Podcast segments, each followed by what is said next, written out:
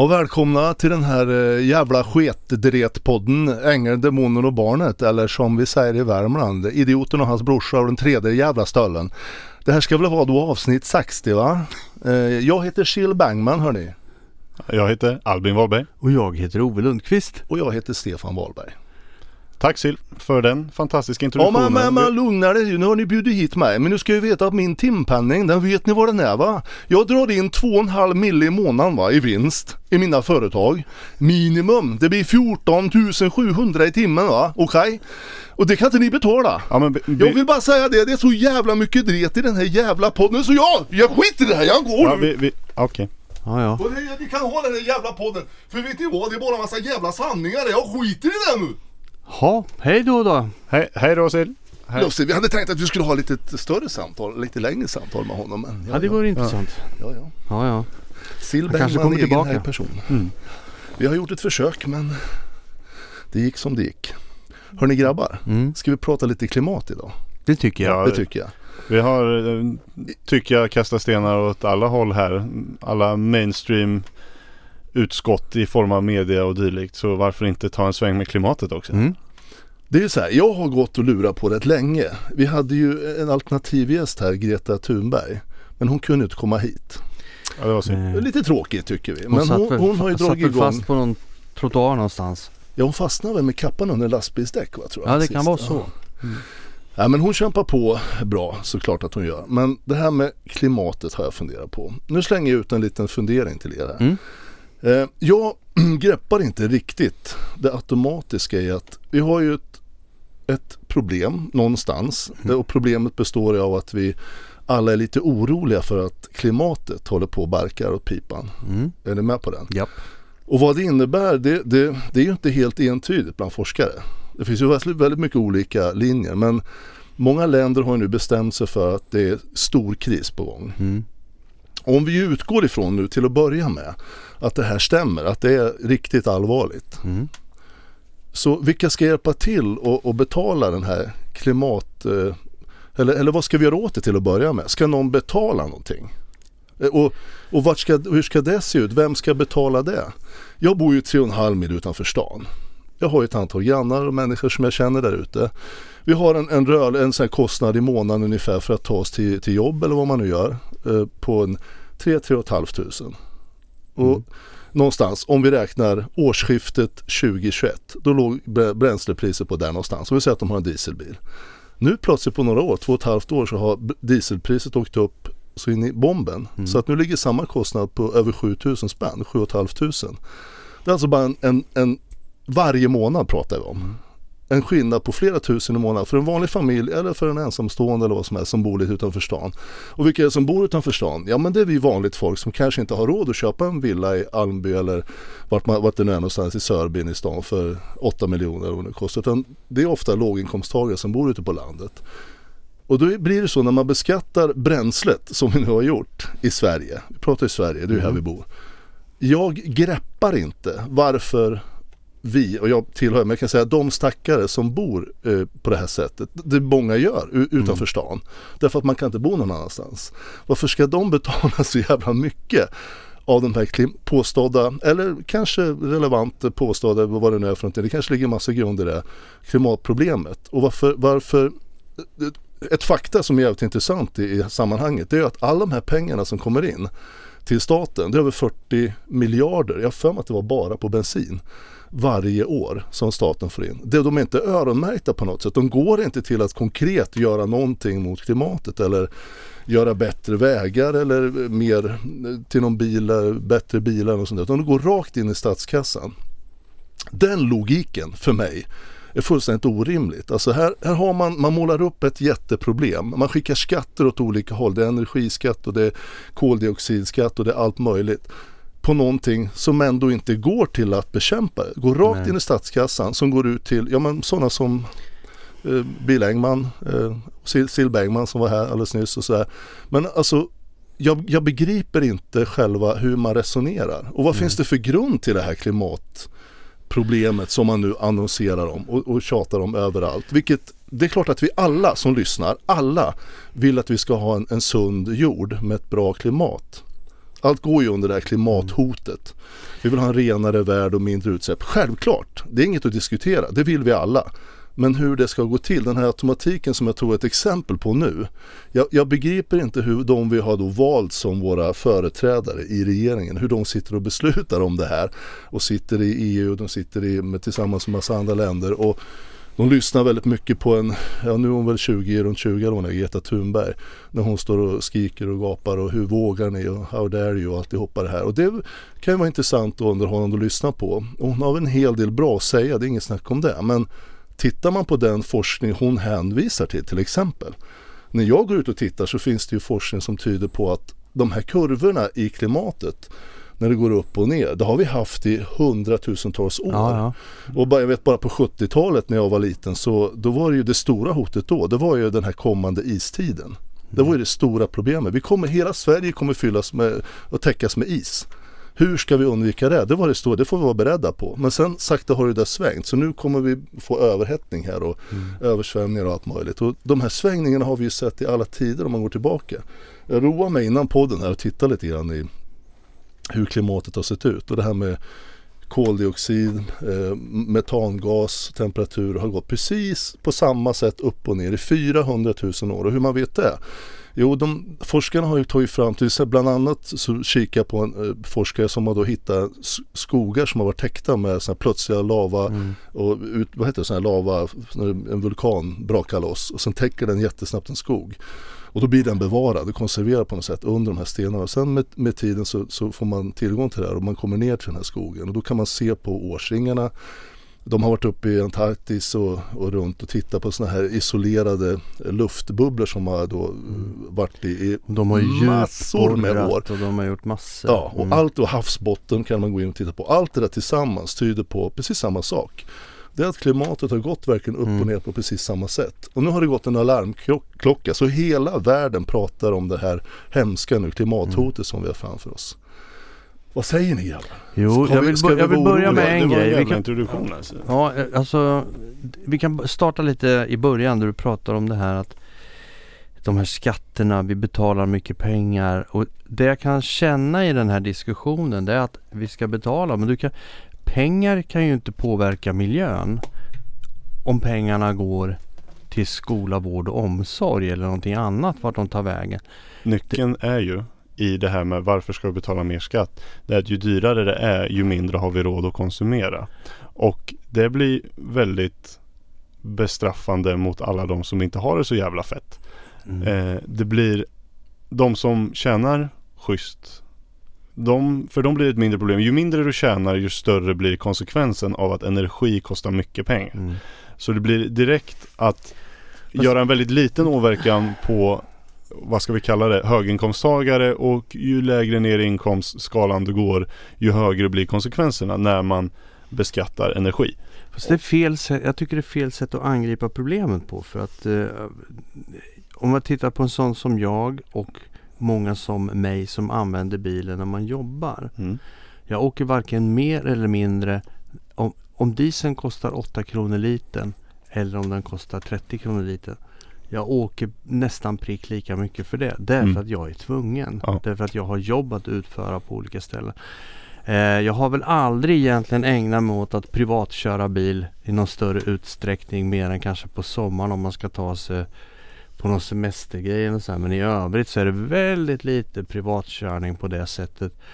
Eh, kan jag så går jag eller cyklar om det, om det är Mm. så. så att, eh, jag vet inte, Men, jag, men jag kanske är fel referens. Jag har ingen aning. Men, jag, jag, jag tänkte säga det, du är ju egenföretagare. mm, Och om dina omkostnader går upp, då har ju du också en skyldighet till dig själv och framförallt en möjlighet gentemot dina klienter att ta en högre summa för jobbet du utför. mm. Men de allra, allra flesta sitter i en situation där de har ett jobb där de tjänar x kronor i timmen Mm. om det är 100, 150, 300 i timmen.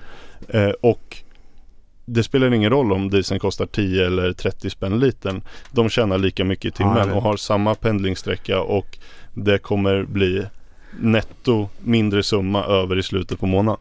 Men det jag lite mer eh, blir frustrerad över är ju just det här med varför det skulle vara lösningen och framförallt varför koldioxiden är det huvudsakliga fokuset i miljöfrågan. För vi har väldigt, väldigt, väldigt mycket miljöproblem i världen. Vi har regnskog som skövlas, vi Mm. har plast som sprids ut hejdlöst i hav, i natur, mikroplaster i saker vi konsumerar, precis Mm. överallt. Vi har hormoner och läke, andra läkemedel i vattendrag och i naturen överallt. Vi har radioaktivt avfall som hanteras bristfälligt.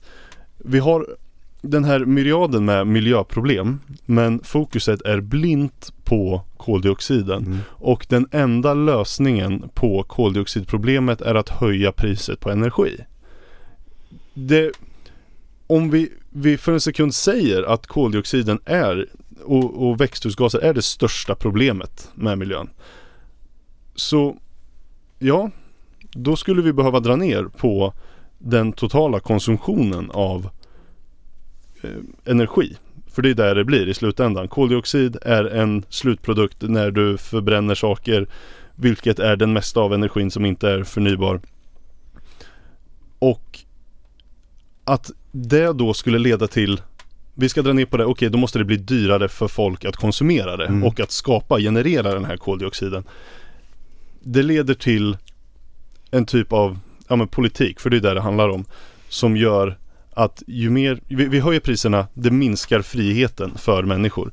Ju mer miljömedvetna och miljösmarta vi ska bli, ju mer begränsade blir vi. Vi kan Mm. göra mindre och mindre.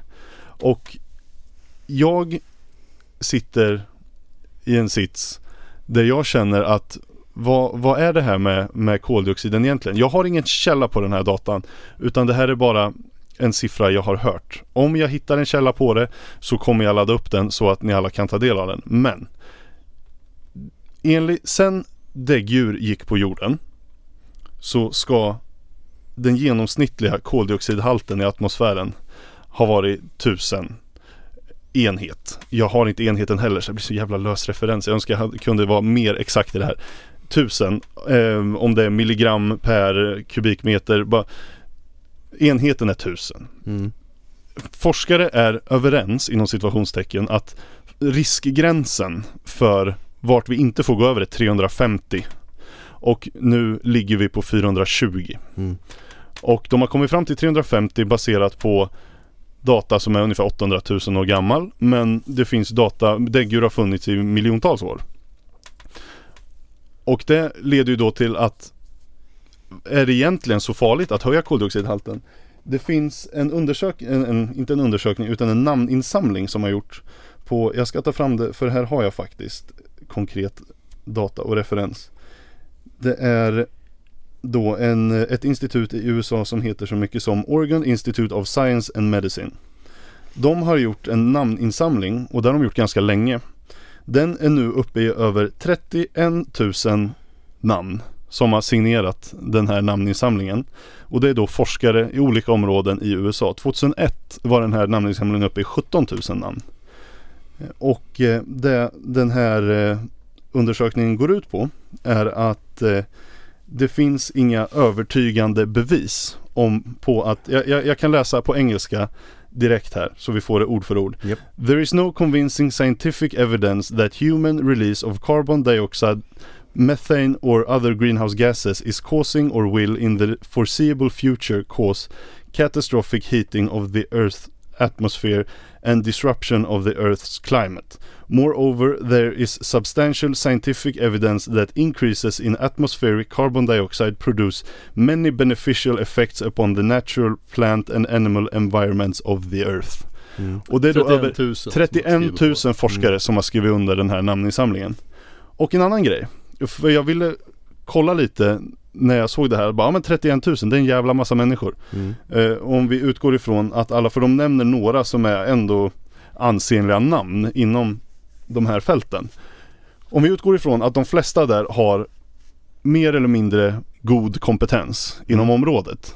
Så tänkte jag att, ja men okej, vad, vad kan vi hitta som annat? Det, måste, det råder ju en konsensus att mil, ehm, eh, nu, nu börjar det bli, bli lite sent här så jag tappar termerna. Ehm, växthusgaser är termen jag söker. Är en ledande och den mänskligt genererade andelen växthusgaser är det största hotet för klimatet. Så då kände jag att jag vill kolla upp, ja, men vad, vad är de andra, den här konsensusen, var, vart finns den? Och då började jag kolla och då gick jag in på artikeln Consensus of uh, Man-Made Emissions. Någonting hette artikeln. Jag kan länka den också.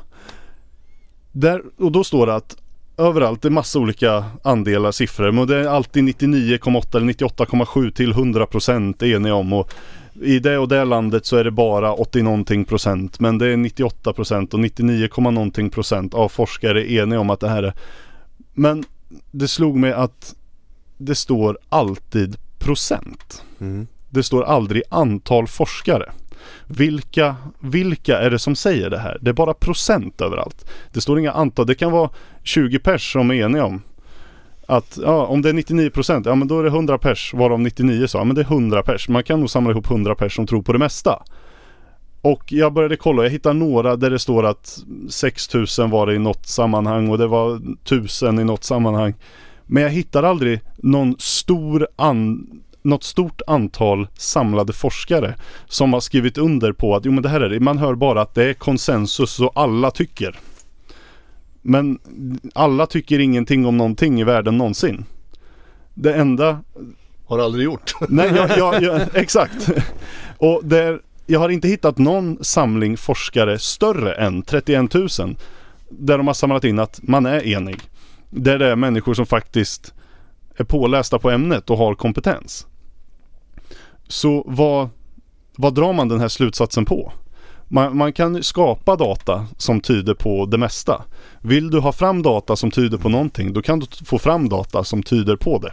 Det finns många, i många fält där ett företag har finansierat en studie, det visar inte det de vill ha, nej men då lägger de ner studien. För att den visar inte det de ville ha. Nej. Det händer löpande. Och då funderar jag att vad, vad, vad är målet? Mm. För om vi räknar in nu här. Att om, om ni står på en på Mediamarkt. Bara hugger en, en stor, eftersom de ska byta namn nu så, så är extra bra titel att använda så är det ingen marknadsföring. Men Mediamarkt. Ni ska köpa en TV. Säljaren säger att Ja men den här modellen, det är en bättre deal för dig. Du har kollat in på en TV som kostar 8000. Han rekommenderar en som kostar 11 500. Mm. Det här är så mycket mer TV för pengarna. Vad är det första du tänker? Är det att jo men han vill mitt bästa? Nej. Eller är det att han får nog bättre provision på den där som kostar 11 500? Mm. Okej. Okay. Om vi tar det exemplet då. Om vi, om vi har den, den arbetsmodellen. Och så applicerar vi den på staten här skulle de vinna på att säga att jo men växthusgaser det är inte så stor fara, gör vad ni vill, far i vind. Eller skulle de har kanske lite ett eget intresse i att säga att jo men vi behöver ta mer skatt nu. För att det här är farligt, det här får ni inte använda så mycket av så det här kommer behöva bli dyrare. Jag är ledsen att säga det. Men det här kommer bli dyrare nu. Jag, jag säger inte att det är så. Men den aspekten bör man ha med i den här ekvationen tycker jag. För att den stora vinnaren på att höja skatter på saker det är hela statsapparaten. Alltså det du säger nu, det är ju någonting som jag tror många har tänkt den tanken. Att det är ju lite så det kan fungera, den modellen. Mm. Eh, jag är inte helt främmande för den tanken heller. Därför att det är många gånger som man, vad ska jag säga, man tar någonting som finns och sen så drar man nytta av det. Mm. Eh, vare sig det behövs eller inte. Mm. Men det här med skrämselpropaganda, det har ju funnits i alla tider. Man skrämmer upp för vissa saker och så akta dig för djävulen. Om vi ska vara så. Men det här är ju då att man säger ja, vi har jätteproblem med gaserna här vi måste ta betalt. Och då kommer vi in på det här, men pengar, vad, vad gör mina pengar? Hjälper de någonting eh, rent konkret? Nej, egentligen inte. Därför att det blir bara en ursäkt för staten att få in mera pengar. Men om jag visste att de pengarna gick till aktiva åtgärder för att minska. Det här att säga, ja men då kör man mindre bil. Ja, Flera som jag pratar med kör inte mindre bil därför att de har ett annat behov. Sen är det många som väljer att cykla och alltihopa. Ja, jag tror de gör det ändå därför att det är fortfarande inte lönsamt att ha bil i dagens läge oavsett. Den är dyr att köpa i inköp, den är dyr att försäkra. Och Folk ska- har cyklat i alla tider. Ja, och jag menar även långt innan, alltså en diesel kostade 8 kronor, då cyklade jag till, till jobbet. Ja. I och för sig, då hade jag bensinbil men skit i samma. Det kostar 8 kronor litern. Jag cyklar för att jag då mitt nästa problem det blir ju att jag ska parkera bilen. Eh, jag behöver betala parkeringsavgift vilket kanske ligger på en 60 kronor per dag. Det är inte så kul. Och sen kallstarter med en bil drar ju betydligt mycket längre. Så ska jag Mm. åka då från där jag bor upp till centrala Örebro där jag jobbade. Och ställa bilen. Det är ju, alltså nu pratar vi kilometrar. Det hinner ju suga i sig ganska mycket bränsle så det är ju inte ekonomiskt någonstans. Och då har man ju det i baktanken i alla fall. Då tar man hellre cykeln eller ben, det långa benet före det andra och går. Precis. Det är ju absolut inget problem. Eh, och dessutom är det mycket lättare att parkera en cykel. Det kostar inga pengar och det tar, jag ska säga, nästan, går nästan fortare faktiskt att cykla. Just i alla fall för mig då. Än att ta ut bilen ur garaget, köra den upp på stan, hitta en parkeringsplats, ställa den där och gå därifrån parkeringsplatsen till mitt kontor. Jag, jag tycker det var ett bra exempel du tog, för du bor i stan. ja, Men de flesta, eller de flesta bor väl centralt på något sätt. Men det är ju väldigt stor del av Sveriges befolkning som inte bor i Nej. stan. Som inte bor nära en busshållplats eller någonting annat. Utan det enda de har det är en liten väg ut till en större väg. Och de har jobb att åka till, de har barn att köra till skolan och de ska handla och det är på allt möjligt. Och de idrott måste ha och såna här- och då, ja. ja, och då, det är det jag liksom hakar upp mig på. Då tror, då tycker då staten, det enda rimliga argumentet det är ju att man ska då tvinga människor att köpa som alla älskar nu som styr och ställer, elbil. Men, men då måste jag, liksom, man måste ju ta med det då. För det första en elbil så är i helvete mycket dyrare. Så vanliga låginkomsttagare har inte råd att köpa en elbil idag. Och sen, sen är inte elbilen lösning. Den billigaste elbilen, ja den kommer du inte ens 10 mil med. Heller. Nej. Så, så, så, så menar, det, där är, det där är väldigt märkligt och då ska man då straffa de här människorna som bor utanför stan. Så det kostar några tusen mer i månaden. Om man tänker att en familj kanske, kanske, kanske kan spara 1000-1500 i månaden för att skaffa till exempel en liten dyrare bil. Men nu får du plötsligt flera tusen dyrare bränsleräkning. Så allt det där försvinner ju bara. Tjup! Det man, finns ju inte en möjlighet att köpa man pratar en, en ju elbil. inte om det här med eh, de utsläppen som det är vid produktion av bilbatterier. De är ju ganska Den sista siffran jag såg, jag läste på två ställen. Det- är alltså mellan, när du gör en elbil och nu gör bat- tillverkar batterierna. Så tar det mellan 15 och 17 000 körda mil med den. För att den ska bli bättre koldioxidutsläppmässigt än en vanlig bil med fossila bränslen. Med diesel eller bensin. Alltså om, om, ska du då sitta och köra 15 eller 17 000 mil och sen då har du inte räknat med vart du tar elen ifrån. Nu har vi ju stängt ner kärnkraftverk så nu tar vi ju el för fan ifrån Tyskland som bolmar kol med kolkraftverk och grejer. Och EU har den här hela konstiga energipolitiken. Så då, då får du åka ännu längre med en elbil för att det ska bli motiverat att ha en sån. Och det är inte så jätteenkelt att ha. Jag är förvånad över att elbilar har sålts så mycket som de har gjort ändå. För det är mycket bökare. Och sitter som, som vissa, de åker väldigt långt till jobbet och sådär på helger. Och man är olika i arbeten, man arbetar och behöver bilen. Och man åker tidigt på natten där det inte går varken buss eller tåg och sådär. Och då måste du ha den absolut dyraste elbilen som du kanske kommer 40 mil till någon arbetsplats. Det är inte många som går så långt. När vi är ändå inne på elbilar så läste jag här för, det kan inte vara mer än ett par veckor sedan om eh, att byta ett batteri. Alltså du har en ny, det här var en som hade en ny elbil.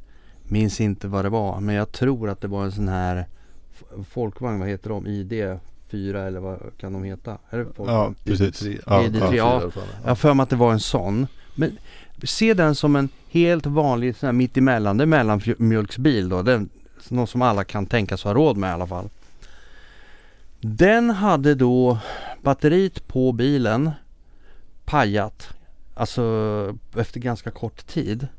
Jag tror att den här personen hade kört på någonting under så att det har liksom ja, förstört batteriet. Eh, och att byta batteriet på den bilen ny skulle kosta mer än vad bilen kostar ny. Därför beslutade sig dem att skrota bilen Försäkringsbolaget ja, alltså? Ja. och han fick ta ut en ny för det var billigare att ta ut en ny bil. Mm. Då tänker jag så här, men på riktigt, hur är det ens möjligt? Och ska vi titta ur en miljöaspekt på det här då? Mm. Eh, har man då byggt någonting eh, eh, som är vad ska jag säga, miljöfarligt redan från början eftersom man, alltså, man kan inte återanvända det. Vore det så att om det här är en cell på batteriet att, man, att de är, tänk dig då att batterierna har varit byggda i cellblock där man kan, okej det här cellblocket är då, det gick sönder, vi byter den och sen kan man fortsätta använda batterierna. Men det är inte tydligen så de är uppbyggda. Eh, Jag har inte haft att göra med moderna elbilar. Men jag har dock som jag berättade för några avsnitt sedan jobbat på en bilskrot. Och där fick vi in hybrider emellanåt, lite äldre Toyota Prius och dylika. De vet jag var uppbyggda i cellblock. De var det? Det krävdes mängder med behörigheter som ingen när jag jobbade då hade behörighet för, vad jag vet, eh, att plocka isär. Och det var ingenting som gjordes officiellt eller av märkesauktoriserad verkstad. Det var det som var grejen. Så vi lagrade i princip de här batterierna på hög. Vi hade mängder. Men Mm. vi kunde inte sälja dem. Och eh, de kunde väl återvinnas på något sätt. De, de, vi staplade dem på hög i alla fall. Jag har inte koll på byråkratin bakom vad som gällde. Men Nej. vi hade mängder i alla fall och vi sålde inga alls. Vi, jag fick in en kund en gång när jag jobbade som säljare. Som ville bara kan, kan jag få kika på ett av de här? För jag skulle behöva köpa delar av det. Jag bara okej så och En kollega körde fram och sen så började han, jag var med liksom bredvid och förklarade att ah, men de är uppbyggda i celler. Så började han plocka isär det, hade lite verktyg med sig. Och då ja, fick hitta på en prislapp liksom att han ville bara köpa några celler. För det var, jag har för mig det var 7,5 volts celler. Små, ja vad, vad ska man beskriva? En dess gånger en dess kanske och 3 cm breda eller något. Eh, mängder uppradade som var då seriekopplade och parallellkopplade i olika konfigurationer för Mm. att skapa vad det nu var för volt, 200 volt eller vad det nu var i den bilen. Och då Mm. sa han att i regel när de här går sönder då är det bara en cell eller två celler eller ett par celler som är dåliga. Så du bara kopplar isär alla ihopkopplingar, alla serie och parallellkopplingar och sen så mäter du varje cell för sig. Och sen märker du att ah, här har vi en som ger 3 volt. Mm. Det ska den inte ge. Plockar ur den cellen, sätter i en som ger 7 Bom, och så funkar batteriet igen. Och men det här är ingen, var ingen då i alla fall, märkesauktoriserad verkstad som gjorde. Utan då bytte du hela batteriet. För Ja, att det ska då vara så mycket ström i de här och det är det. Det, det är jättefarligt att hålla på med om man inte vet vad man håller på med. Mm. För man brukar skoja om att ja, du kan sätta ett 9 volts batteri mot tungan, oj det kittlar lite och eh, Sätter du en, ett finger i ett vägguttag då är det jävlar, det, det small. Men eh, kortsluter du ett hybridbilsbatteri så är det oj vart tog handen vägen? Eh, det är ingenting man vill leka med om man inte vet vad man gör. Så förmodligen delvis därför så höll vi inte på med det och det var krångel och det är väl därför de inte gör det på verkstäder heller. Antar jag. Jag vet inte, Nej, men spekulerar att det nu ska igen vara här. alltså, dyrare. Men det känns som att vi går väldigt djupt ner i, i ett rått håll här. Vi kanske inte behöver gå så djupt i. Mm. Det är väldigt mycket utsläpp när man bygger elbilar. Ja. Och jag läste att om, som, som ett bara räkneexempel med målen som sätts upp nu för tiden med att det ska vara så otroligt mycket elbilar producerade. Jag hörde någon som pratar på att för att Storbritannien, Mm. enbart Storbritannien, Endast Storbritannien. ska nå sitt elbilsmål till 2030 så ska alla koboltgruvor i hela världen gå på full kapacitet 24-7 i fem år. Och det här hörde jag för ett år sedan ungefär. Jaha, då har vi ju nästa Bara problem. Storbritannien. Då har vi nästa och då är problem. det ing- ingenting levererat till något annat land. Ingen resten av. EU, ingen Så- så det- USA, det- ingen... Med det sagt så blir det ju en fullständigt naiv debatt. Mm. De här som kräver inom fem eller tio år ska det alltid Mm. bli eldrivs. Ja men de har ju pratat om i Sverige också att man ska liksom Ja, fasa ur och alla ska åka elbilar. och men då, då kommer jag tillbaka till det jag började säga med. Här har vi då valt politiker som vi Mm. har valt fram på kommunnivå och riksnivå bara, som sitter och tar de här och pratar för det här och, och bestämmer det de bestämmer. Och, och de, ska ju, de ska ju agera i vårt intresse. Mm. Men det går, ju, det går ju inte ihop och det blir ju vansinniga konsekvenser för vissa. De som har det sämst i Mm. samhället och de som kämpar mest Mm. ute på landet. Och jag begriper inte hur man inte kan gå in någon sund, modig politiker och säga vänta här nu för fan, vi måste reda ut det här.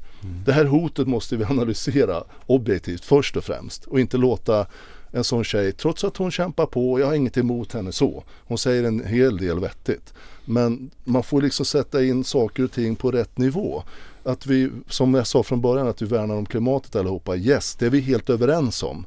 Men att säga utan att, hon brukar aldrig liksom nämna vilken forskning hon, hon, hon liksom grunnar det hon säger. Men forskare är eniga och forskningen är, är överens om det här och det här. Men hon nämner aldrig vilka det är.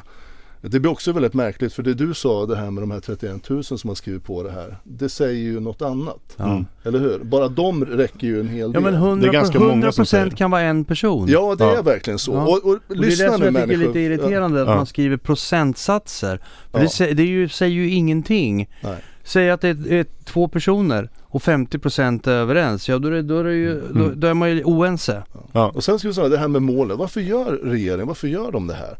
Ja, bara på det här två och ett halvt året, de här höjningarna som har varit sedan årsskiftet 2021. Då får regeringen in bara på bensin 2 miljarder till i statskassan. Som de kan göra vad de vill med. Och vi har ju ökade kostnader på alla möjliga håll. Och då, de här är ju inte öronmärkta är märkta på något sätt. Och då tänker man att de här, det här ska ju vara klimatpengar. Eller inte, ja precis, klimat eh, eh, som ska gå till då specifika saker för att göra klimatet bättre. Men det gör det ju inte. Inte alls. Jag, jag vet inget. Det, det här slutade med, tror jag, jag tror det var 80, 81 eller något sånt där. Då, då innan det, då var sådana pengar som man betalar skatt för med vägskatt och allt sådär. Då var det öronmärkt. Då hade man en specifik budget till v- vilka vägprojekt och vilka förbättringar alla de här pengarna skulle gå till. Det tog man bort då. Så nu går det in i allmänna, bara medel, allmänna kostnader. För det där har ju diskuterats i, i det oändliga, just det här med vägskatt. Att pengarna inte går till, för vägarna är så jävla dåliga så det liknar ingen sort. Vart tar vägskattepengarna vägen? Ja, absolut inte till vägarna. För det, det är liksom, går ju till andra saker. Visst, det går ju pengar till vägar. Men det är ju inte det vi betalar. Nej.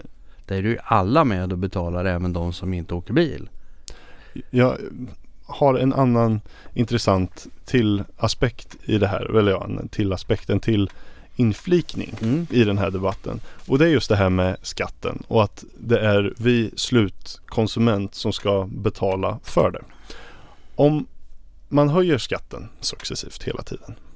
Vi betalar väldigt mycket inkomstskatt, vi betalar eh, bränsleskatter och vi betalar eh, mervärdesskatter, moms och vi betalar vi, väldigt, väldigt, väldigt mycket skatter. Till och med moms på skatt. Ja, se där. Mm.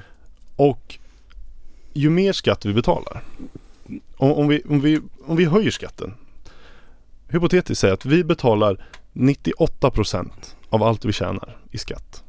Och om vi kan hitta på, skjuter, bara hitta på en summa, hypotetiskt, 98% i skatt. Du har kvar 2% av det du tjänar. Tjänar du 20 000 i månaden så har du kvar, vad blir det? Är det 400 kronor? Mm. Du har kvar 400, tu- 400 kronor i slutet på varje månad efter att du har betalat allting där du är skyldig att betala. Mm. Hade du känt dig fri? Efter att du har, du, du, och vi säger att du får allting. Du, du, har, du får kuponger som du kan åka och köpa mat för och du får Du får en viss mängd drivmedel eh, till dig och du får, du får för det, det är ju där skatten går till, saker vi behöver inom situationstecken. Det går till sjukvård och skola och vägunderhåll, eh, saker vi behöver. Och säg att man då utökar sakerna du behöver till mer saker, mat och boende och kläder och rubbet och du har 400 kronor kvar i slutet på varje månad. Då hade man inte känt sig speciellt fri. Det hade varit lite snudd på kommunism kanske. Ja, det kan man säga. Det är ganska precis vad vi, vi kommer upp i. Och ju mer skatt vi betalar, ju fler grejer som vi ska beskatta, en ny skatt på ditten och en skatt på datten. Ju närmare där kommer vi och ju mindre skatt vi betalar, ju mer fria är vi att göra vad vi vill med de resurserna som vi skapar för oss själva i form av lön i ett jobb eller vad du vill. Egenföretagare som tjänar pengar. Ju mer skatt, ju mer begränsade är vi. Mm. Ju mindre skatt, ju mer fria är vi. Det kommer till en punkt när man betalar väldigt lite skatt där skattemedlen kanske inte räcker till att finansiera saker som vi gärna vill ha. Mm. Så givetvis finns det en brytpunkt där vi känner att här är det bra. Mm. Men när man slår på nya skatter och nya skatter. Jag träffade en person en gång som sa att vi skojar om konspirationsteorier och han sa haha, ja. Vissa kallar det konspirationsteorier, jag kallar det för överlevnadsinstinkt. Och i, i, i den andan lite grann så kan vi spekulera här. Är de här nya skatterna som införs stup i kvarten verkligen, verkligen viktiga? Mm. Eller är de i syfte att begränsa individer. Och det här låter konspiratoriskt då det, det, det, de vill oss väl egentligen. Ja, vad, vad vill de egentligen? Mm. När ett parti går till val Vill de ha lite röster eller vill de ha mycket röster? Ja, de vill ha mycket röster. Varför vill de ha mycket röster? Jo, för att de vill ha så mycket makt som möjligt. Ett parti som får 20% i Sverige, de är ganska nöjda. 30-40% jättenöjda. Egen majoritet, ja det var länge sedan det hände sist. Det var Socialdemokraterna, de var säkert jättenöjda. Mm. För har du egen majoritet, då har du så mycket makt du kan få i Sverige. Genom att gå till val. Mm. Men varför strävar man då efter att få mycket röster? Jo, man vill ha makt. En regering vill ha makt. Ju mer makt och inflytande de har på folket, ju mer kan de utföra. Men det är också en balans där, där de inte får ha för mycket inflytande på folket för då får vi kommunism. Eller totalit- en totalitär stat. Mm. Och det vill vi inte ha.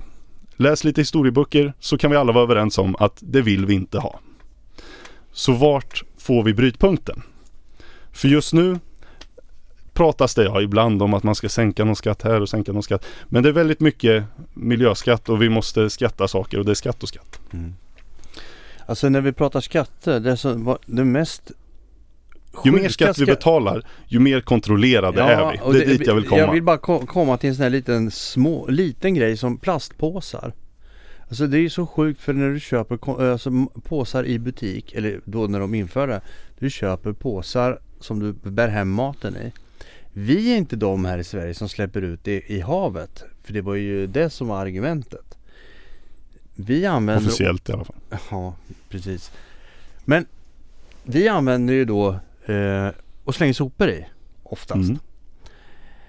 Mm. Eh, sen kommer man in i butiken så säljer de soppåsar i så här 20-pack Mm. som man rullar ut på rulle. Kostar som två plastpåsar på ICA. Då tänker man vad fan är det här?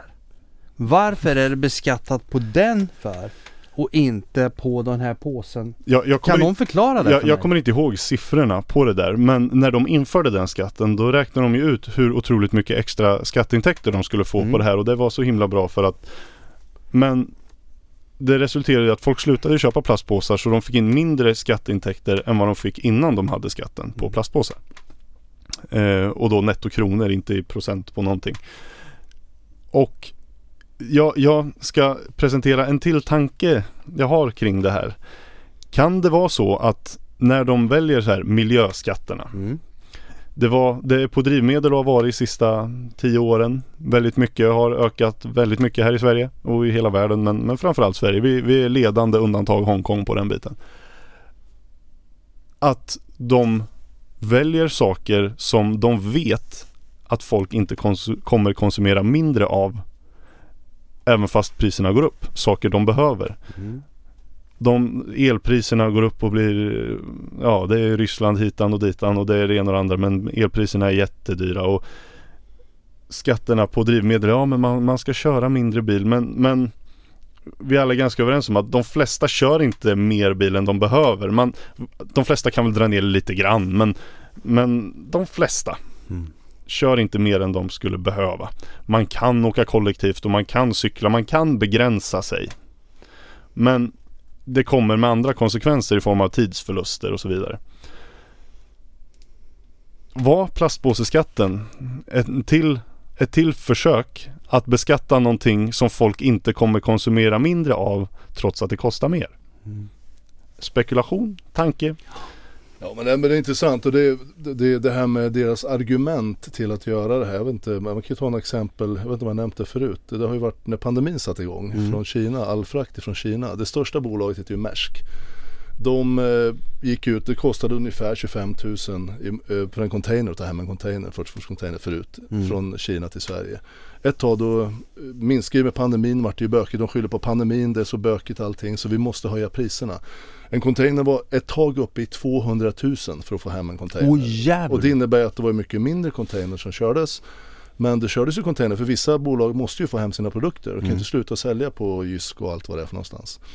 Eh, ja, året efter, då tittar man på Maersk eh, eh, redovisning, bokslut. Ja, då är det, det, de har gjort rekordvinst det här året som de påstår att det är så svårt därför att det är så dyrt att köra. Så de passar på. Mm. E.ON, ja vad gjorde de nu sist här för, förra året och inför den här vintern som har varit? De har gjort rekordsiffror. De har aldrig gjort så bra vinst som nu när vi hade de här elpriserna. Så vad tror ni anledningen är till att göra det? Inte fan är det för att E.ON håller på att gå under och inte fan är det för att Maersk håller på att gå under som fraktföretag. Därför att de höjer så in i helvete. De passar på. Precis som jag tror regeringen passar på nu. Klimatet. Greta Thunberg sitter och gormar i Sverige. Sverige står för en tusendel av världens koldioxidutsläpp. Vissa säger att det är dubbla det, men okej. 2000 delar mellan en och 2000 delar. I Kina finns det ett enda företag som bara de släpper ut 15% av jordens koldioxidutsläpp. Tänker på China Coal Company. Precis. Och Kina står för då en tredjedel, 33% Och siffran var, var för något år sedan 16 procent Ja, om vi ska precis. vara noggranna här. Okej, noga, noga ska vara noga. Men som sagt, eh, och då kan man fråga sig, Greta Thunberg, du som brinner så att du, tårarna sprutar och verkligen brinner för det här med klimatet och hur vågar ni behandla oss här? Varför åker du inte till Kina och sätter dig framför lastbilarna där från Kolm, vad det heter nu företaget här? Varför sitter du i lilla Sverige? Vi gör ju vansinnigt mycket redan som vi gör och har gjort. Vi är ju ledande på mycket. Vi har en vagnpark som är bland det bästa som finns i, utsläppsmässigt och sådär. Varför gormar du och försöker, ja, och elda på politikerna så de kan slänga på de här skatterna? Därför vi har både energiskatt och koldioxidskatt på, på bränslepriset. Trots att koldioxid tidigare har ingått i ener, en, energibiten. Men alltså det är bara, och sen är det, sen är det moms på allt det där, den där skatten tillsammans. Så det är klart som fan att det, det är mycket pengar som drar iväg och man måste fråga sig varför man gör vils, vissa åtgärder. Det är det jag vill komma åt. Och varför gör man det när det drabbar så otroligt fel? All, ingen verkar se något fel i att göra det här. Jag menar Miljöpartiet, de vill ju ha, det var ju någon som sa att de ville att bränsle skulle kosta både diesel och bensin 50 kronor litern. Men, och det är ju helt vansinnigt. Vi har ju byggt upp Sverige och hela världen runt bil så länge. I all infrastruktur, vi har ju vägar överallt. Ska vi plötsligt bara sluta använda bil? Det är ju, det, det, det, är vagn ju så naivt så det är som att läsa Rödluvan ja, om men, men, men på det temat, ni har väl hört om de nya fraktskeppen eller? Nej. Nej. Eh, De har ju stora vindfångare ovanpå. Va? Ja, ja så nu, nu ska skeppen drivas på stora, stora skärmar som fångar upp vinden. Så att de blir. Låter det som ett bekant koncept kanske? Spännande. Ja. Nu, nu ska jag inte försöka imitera en pirat här men, men, men eh, segelbåten verkar göra comeback Ja. på stor skala så att Jo säga. men vi kommer jag får väl köpa en häst och ha häst och vagn och åka runt när jag jobbar. Det är väl inget annat. Så jävla havremoppe. Det man kommer till när man pratar om det här lite grann, det är så att vi, vi enskilda människor, vi, vi har liksom inte så mycket att säga till om. Det enda vi kan göra, det som vi gör lite grann nu i podden här. Vi försöker att belysa vissa, tycker jag och tycker vi, självklara saker som man bör tänka på. Och sen får man väl diskutera med dem man känner eller försöka påverka i det valet som kommer så småningom. Vi ska välja en ny regering eller om man nu kan påverka någon. Om någon känner någon som är politiskt aktiv. För, för det, det blir väldigt märkligt. Det, det är otroligt korkade åtgärder, det måste man ju säga. Bara på det fakta vi har räknat upp nu. Jag tycker man kan se om man vill engagera sig och gå ut på nätet och titta på det här påstådda då, klimatförskräckelsen som håller på. Jag menar Greta Thunberg 2018, då, om hon twittrade eller vad hon gjorde, hon skrev någonstans att inom fem år så kommer världen vara helt förstörd. Men sen var det, fick hon så mycket kritik så tog hon bort det där. Och nu är vi där, Ja, fem ja. år senare. Det har inte hänt så jävla mycket. Nej, och i, rätt, i, i rättvisans namn, hon har ju tagit bort den tweeten har jag hört. Jag har inte läst tweeten men det, det den ska ha inneburit var ju att om fem år når vi en punkt där det inte finns någon återvändo. Ja. Men det här med att förutspå vad som kommer hända. Som sagt, på 70-talet så gick vi in för en istid. Sen så gick det över till global uppvärmning och eh, nu är det mest klimatförändringar. Mer dramatiskt väder, mer stormar och mer, mer problem, bränder överallt. Och den typen av grejer som du pratar om. Så det är inte bara global uppvärmning utan det är klimatförändringar som är termen. Så det här med att förutspå vad som kommer hända. Det, det, vi verkar inte vara så bra på det. Kan vi Inte- bara inte summera som mänskligheten här. Det är väl inte direkt spot on i alla fall. Nej. Och därför tycker jag man ska vara lite försiktig och se vem det drabbar helt enkelt. Det var ju det jag började fråga. Varför ska man införa de här dramatiska åtgärderna? Ja, Det skickar vi ut i luften. ja det gör vi. Mm. För jag tycker att det är, det, det är ett ämne värt att diskutera och Mm. faktiskt ha åsikter om också Mm. kan jag tycka. Mm. Det, du kan både vara för och emot. Det är helt okej. Dialogen men, är ha- viktig. men ha- dialogen är viktig och ha gärna en åsikt. Det är det viktiga. För slutar man tänka själv eller ha en åsikt Då kan man sätta sig ner i ett hörn och sen kan man lägga av bara. För det är Exakt. viktigt att vara Gör- med. Och, Göra sina egna efterforskningar och se Ja. vad man tror själv. Om man verkligen går till botten med allt man kan hitta. Mm. Vi lever ju i en unik tid där du i princip kan Informationen finns ju tillgänglig. Ja, Mm. den gör ju verkligen det. Mm. Ja men rappar vi ihop här för idag grabbar? Ja, det tycker jag. Och eh, vi får väl önska er en fortsatt bra vecka. Var rädda om er allihop. Ja. Hej då! Ha det Hej. bra. Hej.